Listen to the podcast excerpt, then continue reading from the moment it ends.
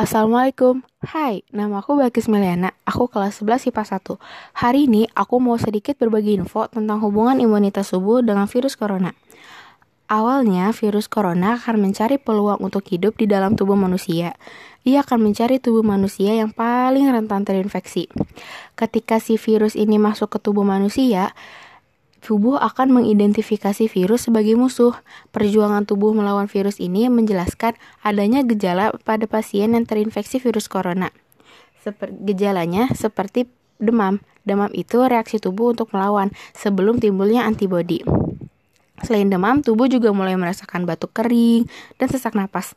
Gejala ini timbul sebagai upaya tubuh melawan virus sebelum antibodi keluar dan ketika antibodi sudah keluar, virus akan dilawan hingga tak bisa bertahan di dalam tubuh. Kemampuan antibodi ini melawan virus ini tergantung pada seberapa kuat imunitas yang dimiliki oleh seseorang. Oleh karena itu, jika imunitas seseorang itu kuat, maka orang itu bisa kemungkinan untuk sembuh. Untuk itu, menjaga imunitas tubuh menjadi sangat penting karena risiko dari corona meningkat seiring dengan menurunnya imunitas tubuh dan riwayat penyakit lain. Gejala Gejala yang lain itu seperti e, sakit kepala, sakit tenggorokan. Ada lima upaya yang penting untuk diingat untuk mencegah corona, yaitu menjaga jarak atau social distancing, tidak berjabat tangan, rajin mencuci tangan, dan menghindari keramaian. Jangan lupa memakai masker bagi yang sedang sakit. Kalau nggak sakit juga boleh kok pakai masker. Sedikit tambah lagi, kata peneliti Tiongkok, virus corona bisa bermutasi dan bisa bertahan selama 49 hari. Oh ya, itu saja untuk informasi hari ini. Terima kasih telah mendengarkan. Wassalamualaikum warahmatullahi wabarakatuh. Iya, sabar nak. Ini uangnya.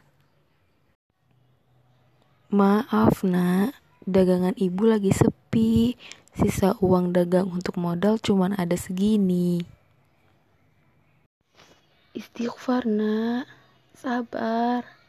Ingat semua ini cobaan dari Allah. Astagfirullahalazim. Ya Allah, nak, kenapa kamu bisa seperti ini? Ini nggak mungkin, Pak. Nggak mungkin. Anak saya nggak mungkin kayak gini.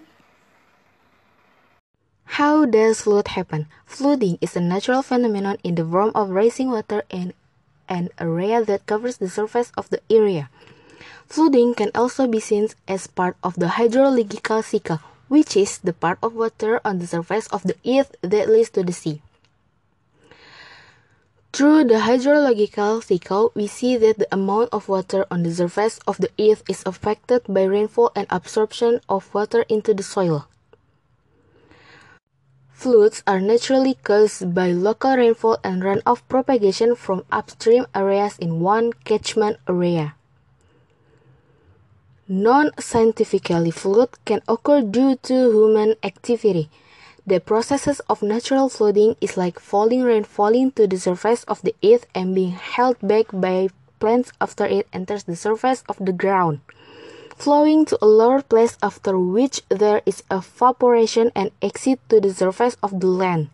Floods that occur scientifically can be a disaster for humans if they hit people and cause harm to humans while the processes of non-natural flooding occurs due to human activities such as disposing of trench improperly and causing water flow not smooth, so that the water floats at its disposal the more it evaporates after it is hiked and out so that it hits the land and causes flooding the process of flooding can occur naturally and because of human activity.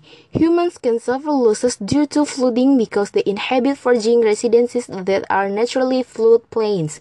So if humans live in the plains they are often affected by flooding, it is not flood that comes to human but humans will come to flood. Thank you.